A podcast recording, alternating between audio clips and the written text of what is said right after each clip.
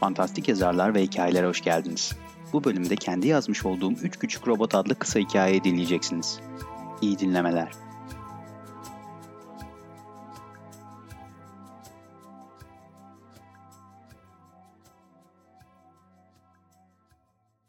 Pekala, sıradaki gezegen hangisi dedi robotların en küçüğü, devasa toz bulutuna güvenli uzaklıktan ve kompozit camın ardından bakarlarken. Ters çevrilmiş beyaz bir çöp kutusunu andırıyordu.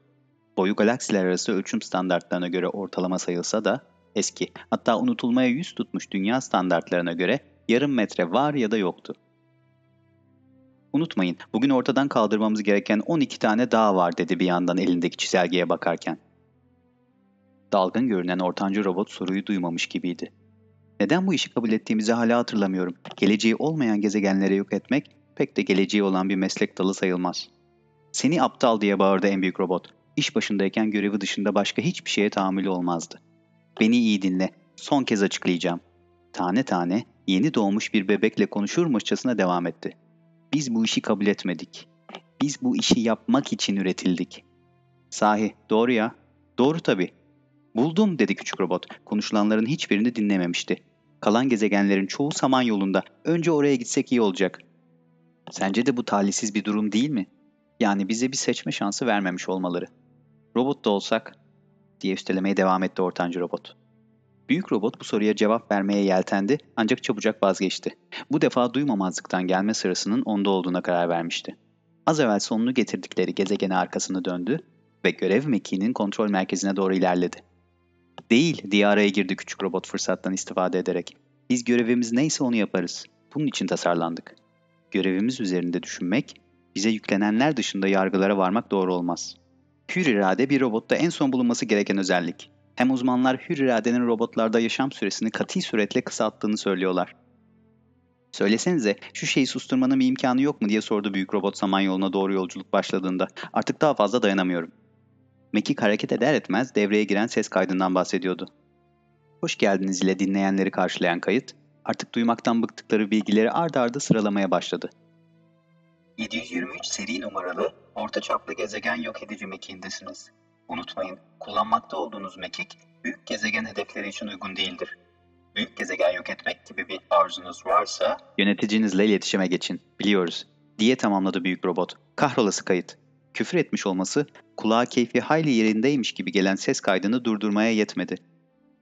Orta çaplı gezegen imhacısı olarak göreviniz, size her hafta başında ulaştırılan listedeki tüm gezegenleri kayıtsız şartsız imha etmektir.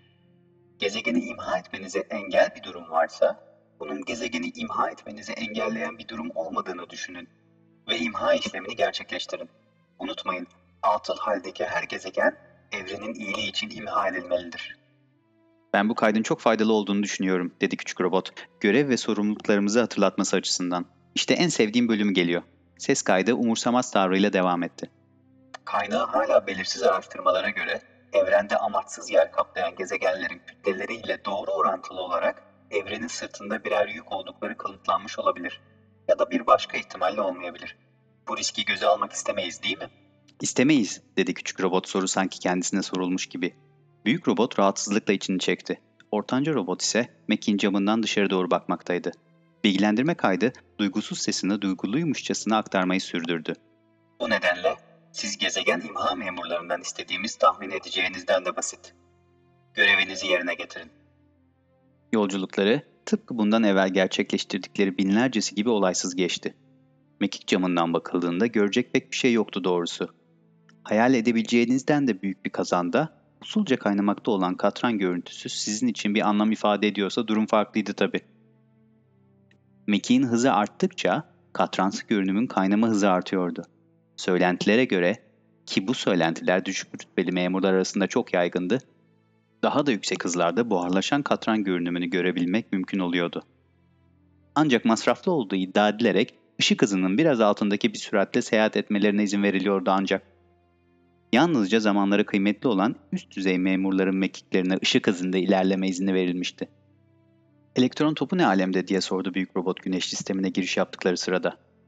Birkaç patlamaya daha yetecek gücü var oldu küçük robotun cevabı. Güzel, şarj edilmesini beklerken akşamki müsabakayı kaçırmak istemiyorum. İşte geldik dedi ortanca robot araya girerek. Sıradaki gezegenimizin adı Satürn. Yarın 4,5 milyar yaşını dolduracak. Popülasyon sıfır. Sıfır mı diye sordu büyük robot. Hiçbir yaşam belirtisi olmadan bu kadar zaman nasıl dayanmış? Prosedüre göre 3 milyar yaşındayken yok edilmesi gerekirdi. Ortanca robot bakışlarını tekrar elindeki dökümana yöneltti. Ah işte buraya not düşülmüş. Süre uzatma nedeni. Halka. Şu çevresindeki zımbırtıdan mı bahsediyor diye sordu büyük robot. Evet galiba. Bizden önceki ekibin gözüne hoş görünmüş olmalı. Aman ne hoş, ne halta yaradığı belli olmayan bir halka için bir buçuk milyar yıl daha evrende yer kaplamış oldu. Ateşleyici hazır mı? diye sordu küçük robota. Hazır. Geri sayımı başlatıyorum dedi ve önündeki sayısız düğmeyle bezenmiş konsola rastgele gibi görünen birkaç darbe indirdi. Ateşlemeye 10 saniye. Dedi Mekik. Eğer herhangi bir nedenle vazgeçecek olursanız hemen önünüzdeki önemsiz, dokunmaya değmeyecek küçük kırmızı düğmeye mekikteki herkesin sicil numarasını Morse alfabesiyle girin ve şansın bugün sizden yana olmasını dileyin.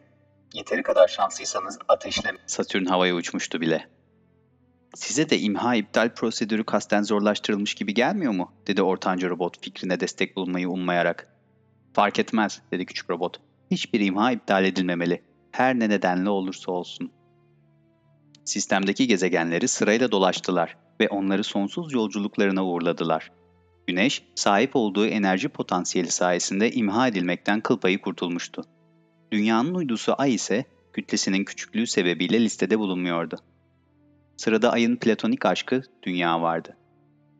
Raporlar lütfen, dedi büyük robot dünyaya bakmayı sürdürürlerken. Ortanca robot birkaç tuşa dokunduktan sonra mekik konuşmaya başladı.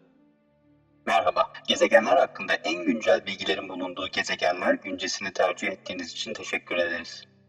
İzlemekte olduğunuz gezegenimizin adı Dünya.